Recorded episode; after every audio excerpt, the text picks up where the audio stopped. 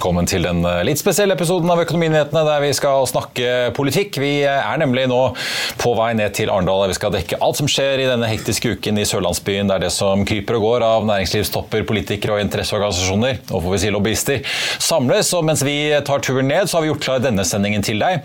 Før sommeren så barket jo Trygve Hegnar sammen med SVs Kari Lisbeth Kaski her i studio, og nå skal vi over til den andre siden av politikken, og vi skal til hovedstaden. For nå er det mange på høyresiden som gjerne har lyst til å ta plassen til Raymond Johansen, Einar Wilhelmsen og de andre rød-grønne politikerne i byrådet i hovedstaden. Og med meg nå så har jeg den ene, får vi si, i Høyres profilerte Oslo-duo, byrådslederkandidat Eirik La Solberg. Velkommen. Tusen takk. Eh, er du klar for valget?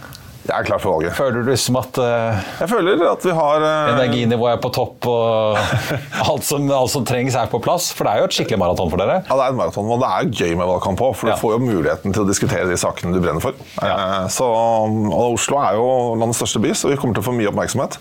Og det er spennende. Så jeg gleder meg skikkelig. Men merker du presset? For jeg vil jo tro at partiledelsen med Erna og Co. i spissen har veldig lyst til å ta tilbake noen store byer, inkludert Oslo, men sikkert også Trondheim og osv. Det er mye som står på spill. Kanskje, jeg, kanskje ikke alle, altså Det er veldig bra at Erna backer oss, det er veldig hyggelig. Eh, men det står jo aller mest på spill for Oslos innbyggere. Så det er klart at eh, sånn sett så merker de presset. fordi vi må fikse det nå, ellers er det fire år til neste gang. Og det er ikke gode nyheter for Oslo kommune i så fall. Ramon Hansen, som jeg vet du skal møte i Arendal, er sikkert ikke helt enig, men vi får se om vi får tak i han i Arendal.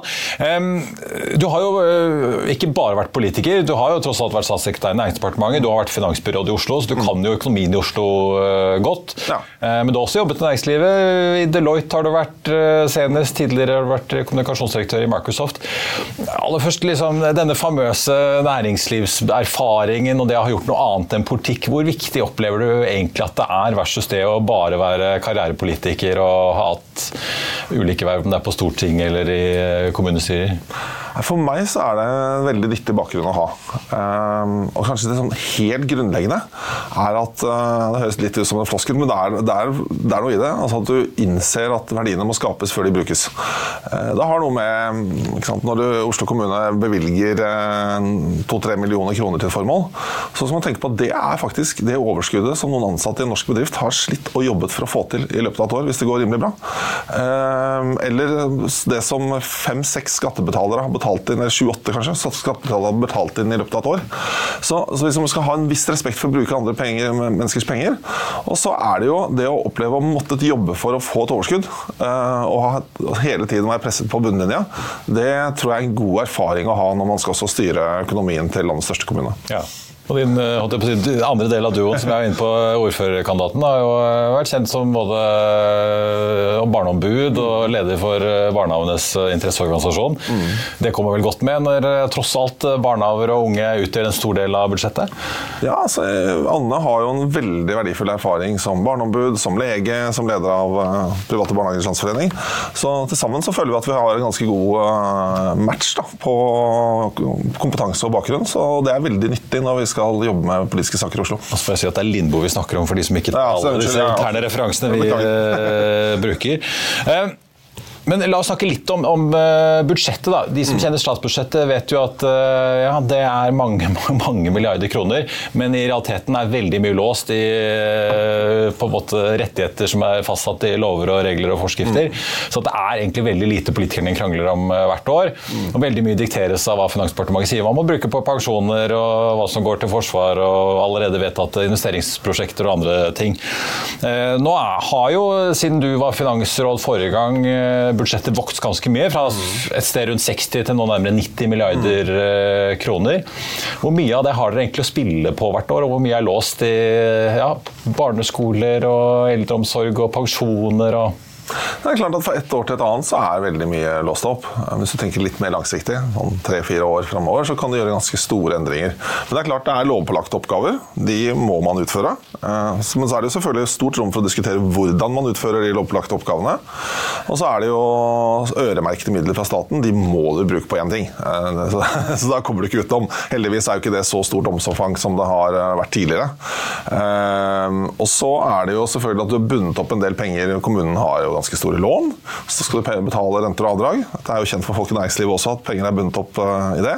Så det er klart at handlingsrommet det er ikke så stort som 90 millioner kroner. Men det er mulig å gjøre ganske store endringer i hvert fall på noen års sikt. Og du, begynne, og du må jo begynne et sted. Så da vi f.eks. laget vårt alternative budsjett for i år, så gjorde vi ganske store endringer i Oslo-budsjettet. Men det er klart vi kunne fått til mye mer hvis vi kunne planlagt langsiktig over tre-fire år. Så jeg vil nok si handlingsrommet er litt større i kommunepolitikken kanskje enn i, i den nasjonale politikken. Og så var det vel en seks milliarder omtrent som ble flyttet på i revidert, eh, som ble lagt frem nå i våres, så vidt jeg husker? Ja. Ja, ikke i Oslo. Det var nok mindre enn det. Men ja. Uh, ja, det var nok noen hundre millioner.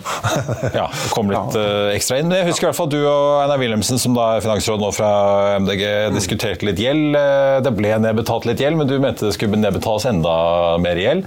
Gjelden til Oslo kommune har jo vokst, men er det et problem som jo mange husholdninger og andre bedrifter merker nå når rentene tross alt har hoppet så mange prosentpoeng som de har gjort?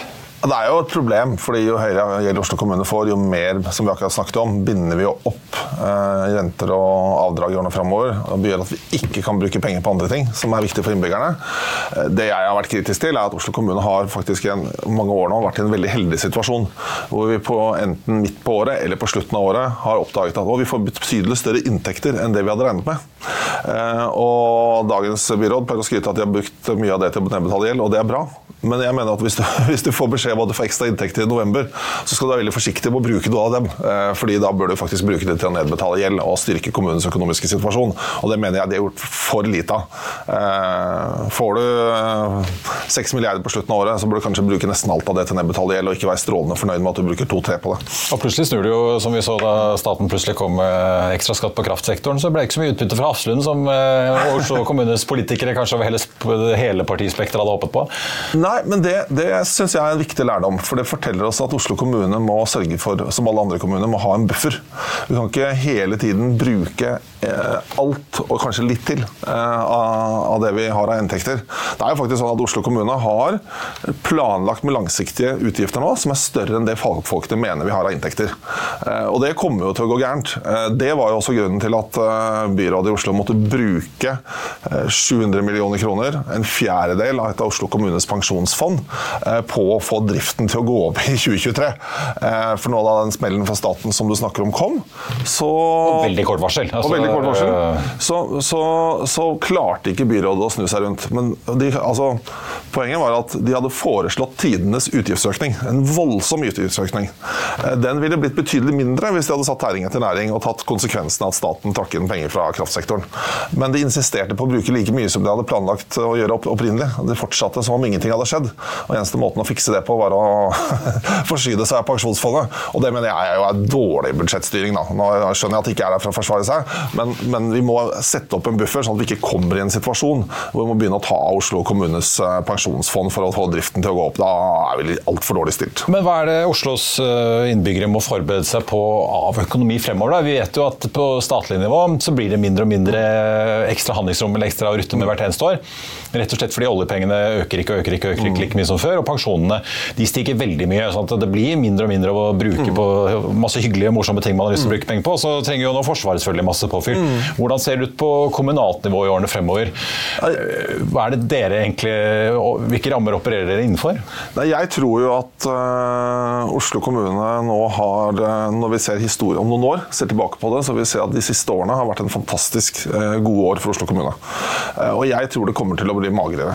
nettopp av de grunnene du nevner. Eh, Dere får også økte pensjonsutgifter? Da. Vi får økte pensjonsutgifter, eh, og når staten skal spare, så rammer det også kommunesektoren. fordi en stor del av overføringene fra, til kommunene kommer jo fra staten. Og det er klart at når det blir dårligere tider, så går også skatteinntektene til kommunene ned. Sånn at jeg tror vi skal være forberedt på at den eventyrlige inntektsveksten som Oslo kommune tross alt har hatt, eh, den er sannsynligvis forbi. Og Det betyr at vi må sette tæring etter næring. Vi må sørge for det helt grunnleggende at utgiftene ikke overstiger inntektene inntektene. Og det, sånn som man har planlagt med budsjetter i Oslo kommune fremover nå, så gjør de jo faktisk det. Så vi må nok sørge for at vi nedjusterer utgiftsnivået i årene fremover.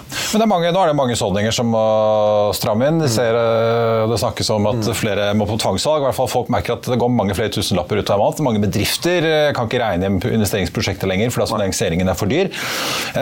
Hvor er det dere skal stramme inn? da? Hvis man går inn på Høyres, Oslo Høyres nettsider og leser om politikken, så er det jo masse hyggelige prosjekter og ting. Det er Volvat-sving og Ensjøsving og Fornebubane, sykkelveier, det er en miljøtunnel langs E18. Mm. Masse ting dere har lyst til å gjøre, og selvfølgelig ta vare på både eldreboliger og barnehager og skoler. Men hvor er det dere oppi alt dette her kan enten kutte eller utsette for å klare å ta vare på helheten som du snakker om, når dere også samtidig vil kutte i eiendomsskatten? I'll see you in court. Vi sier det ofte litt på spøk, men for deg som driver business, er det aldri moro å innse at du ikke har laget en 100% gyldig kontrakt. Du bør ikke risikere hele firmaet ditt fordi du synes dette med kontrakter er litt stress. En avtale er ikke en avtale. Du kan miste kunder, miste venner, ja, til og med miste inntekter om du ikke lager en skikkelig kontrakt, på alt mulig, egentlig. Men vi vet det er et styr, kopimaskiner, tregprinter og haugevis av papir. Dessuten stoler vi jo på folk her i landet. Det er ofte litt kleint å skulle be om en signatur for alt mulig, ja, for mye av styret handler også om jakten på underskriften. Det finnes en enkel måte å løse dette på, Dukkobit, en trygg, effektiv og get this, gratis måte å sikre seg en god natts søvn pluss en juridisk bindende avtale. Dukkobit-appen har de strengeste sikkerhetskrav i bunn, samt en EU-godkjent og sertifisert teknologi.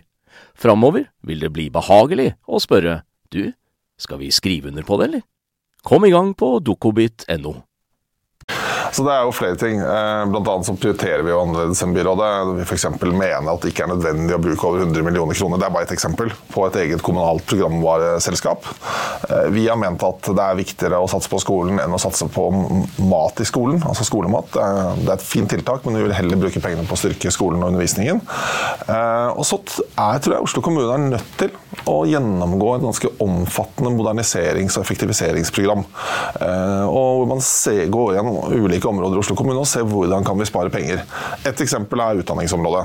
Der har jo Utdanningsetaten vokst ganske mye. Den sentrale administrasjonen i Utdanningsetaten vokst ganske mye de siste årene. Eh, jeg tror vi må sørge for at de ressursene de har fått, kanskje overføres til skolen og flyttes ut på tjenestestedene, istedenfor at de sitter i en sentral administrasjon. Men skal dere da, litt som man gjorde under eh, høyreregjeringen sist på nasjonalt nivå, ha en slags sånn ABE-reform hvor alle etatene i Oslo kommune hvert år får litt mindre å rutte med, og så må de selv finne ut hvordan de skal effektivisere det der? Det kan være ett element i det. Men jeg tror vi i tillegg skal gjøre noe annet som eh, staten gjorde under eh, Solberg-regjeringen. og Det var å ha områdegjennomganger. Dette kjenner jeg litt til som konsulent også. Eh, hvor man gikk gjennom ulike områder som staten, og i vårt tilfelle kommunen, har ansvaret for, og se hvordan bruker vi ressursene. Er det her dobbeltarbeid som vi kan kutte ut? Er det unødvendige rutiner og oppgaver som gjennomføres? Hvordan kan vi sørge for å få utført de samme oppgavene med færre ressurser? Så jeg ser for meg at vi har en områdegjennomgang av hele Oslo kommune egentlig, og ulike områder, for å se hvordan kan vi bruke ressursene bedre. Så svaret på spørsmålet ditt, vi er nødt til å omprioritere. Eh, vi må slutte med det jeg kaller sløsing, eh, fordi vi har enorme overskridelser på store investeringsprosjekter. De må vi få kontroll på. Og så må vi ha en effektiviserings- og moderniseringsreform eller et program i Oslo kommune som bruker pengene bedre. Og det er vi nødt til å, De siste årene har vært veldig lite oppmerksomhet rundt disse tingene. Eh, pengene har strømmet inn, og byrådet har brukt opp alle sammen. Eh, vi må bort fra den situasjonen og sette tæringen til næring. Eh, og skal vi få til de positive tingene som vi politikere gjerne snakker om, som også Høyre snakker om, så er vi nødt til å gjøre de grepene jeg snakket om nå. Men tror du velgerne vil høre eller trenger å høre at sorry, det blir ikke noen ny eller det blir ikke flere sykkelveier nå et par år, fordi vi er nødt til å rett og slett uh, sette litt ja, tæring etter næring, som du sier? Nå er det jo for å få til noen av disse viktige prosjektene, uh, f.eks. satse på kollektivtrafikken, uh, eldreomsorgen og skolen, at jeg mener det er helt nødvendig å gjøre disse grepene. Og jeg tror folk er i en økonomisk situasjon nå, og bedrifter er det, hvor de opplever at det er vanskelig å få økonomien til å gå opp. Utgiftene øker, renta stiger, folk har det mye tøff, tøffere frem på lenge. Og det, jeg tror mange har forståelse for at også kommunen er nødt til å sette tæring etter næring. Mm. Um, og i hvert fall hvis vi innfallsvinkelen vår at vi skal få mer igjen for de samme pengene, sørge for å bruke pengene bedre, organisere oss bedre. Det tror jeg mange faktisk etterlyser, og syns det har vært for mye sløsing i Oslo kommune. Det, det er Vi har jo et vannprosjekt uten at vi trenger å delegere skylden, for det har gått ja. mange mange år, det prosjektet. Men likevel, det er jo nå svære som har blitt ganske mange milliarder dyrere, ja. som bare er ett eksempel på noe.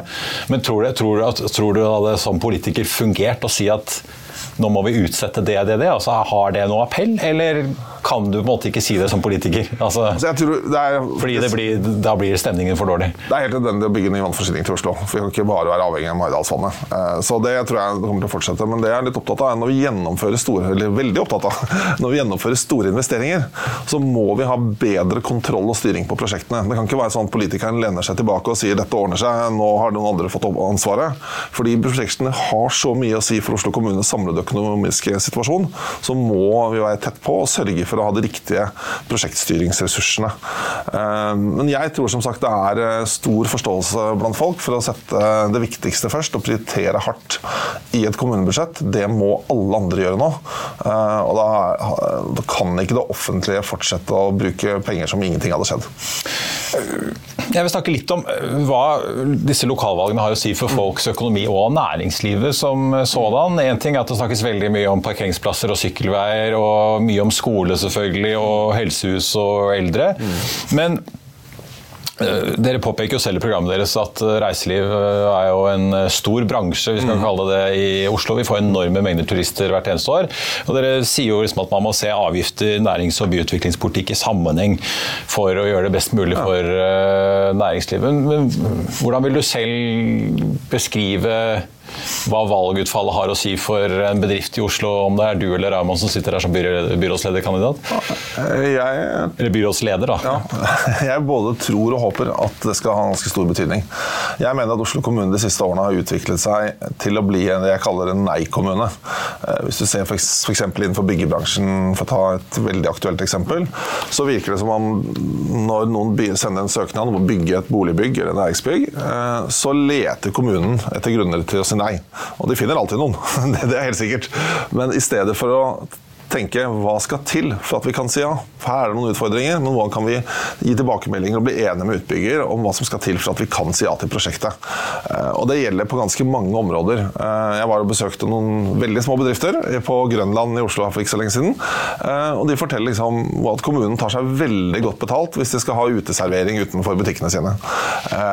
Mange titusentalls kroner i året. Og For en liten bedrift så er det en belastning. Og Kanskje kommunen har det hyggeligere i området når det er er et par bord som folk kan sitte ute og drikke en kaffe på.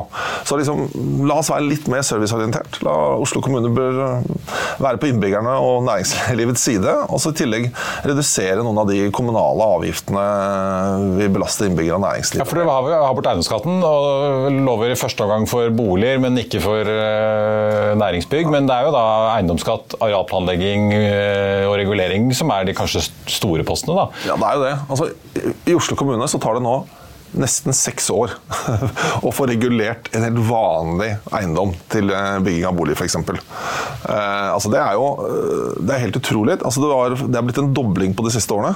Og det er klart at Når eh, det tar så lang tid å komme gjennom byråkratiet i Oslo kommune, så er det mange som ikke satser. Ikke Eller så drar de et annet sted i landet, til en nabokommune kanskje. Eh, og det er jo veldig trist for Oslo, for det fører til at boligprisene stiger. Eh, og de stiger ganske voldsomt. Til tross for renteøkningen så har du sett at boligprisene har ligget flatt eller økt.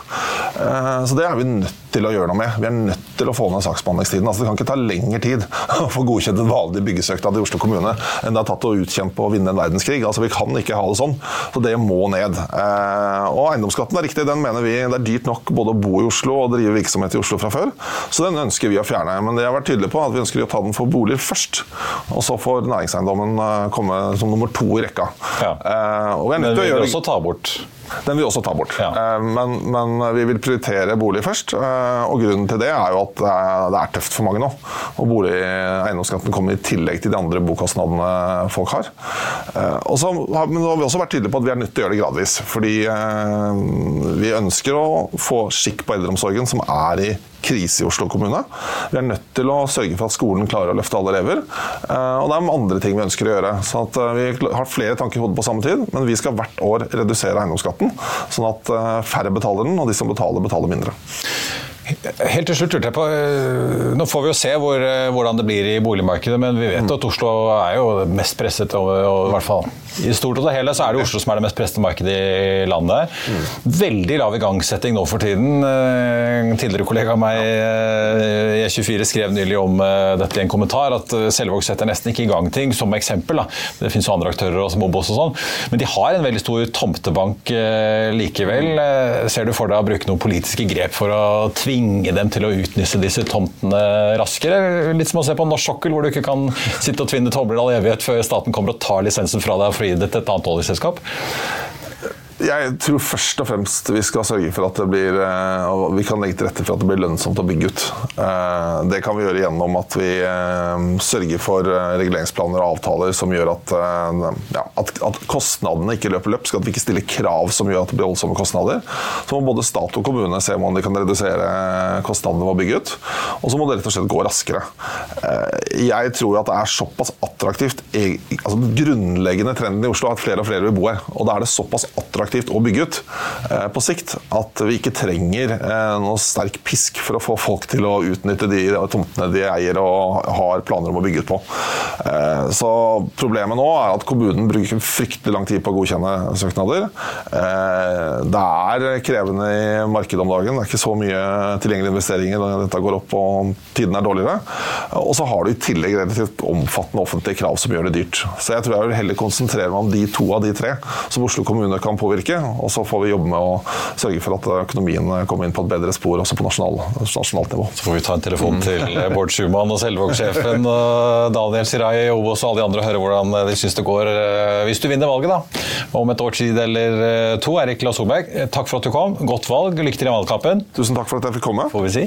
Det var vår sending på denne tirsdagen, får jeg si. Vi skal jo da nå fra i morgen av sende Børsmorgen fra Arendal. I mellomtiden så får du selvfølgelig siste nytt på fa.no. Ha en riktig god tirsdag, alle sammen. Og får jeg si til alle sammen, da, godt valg.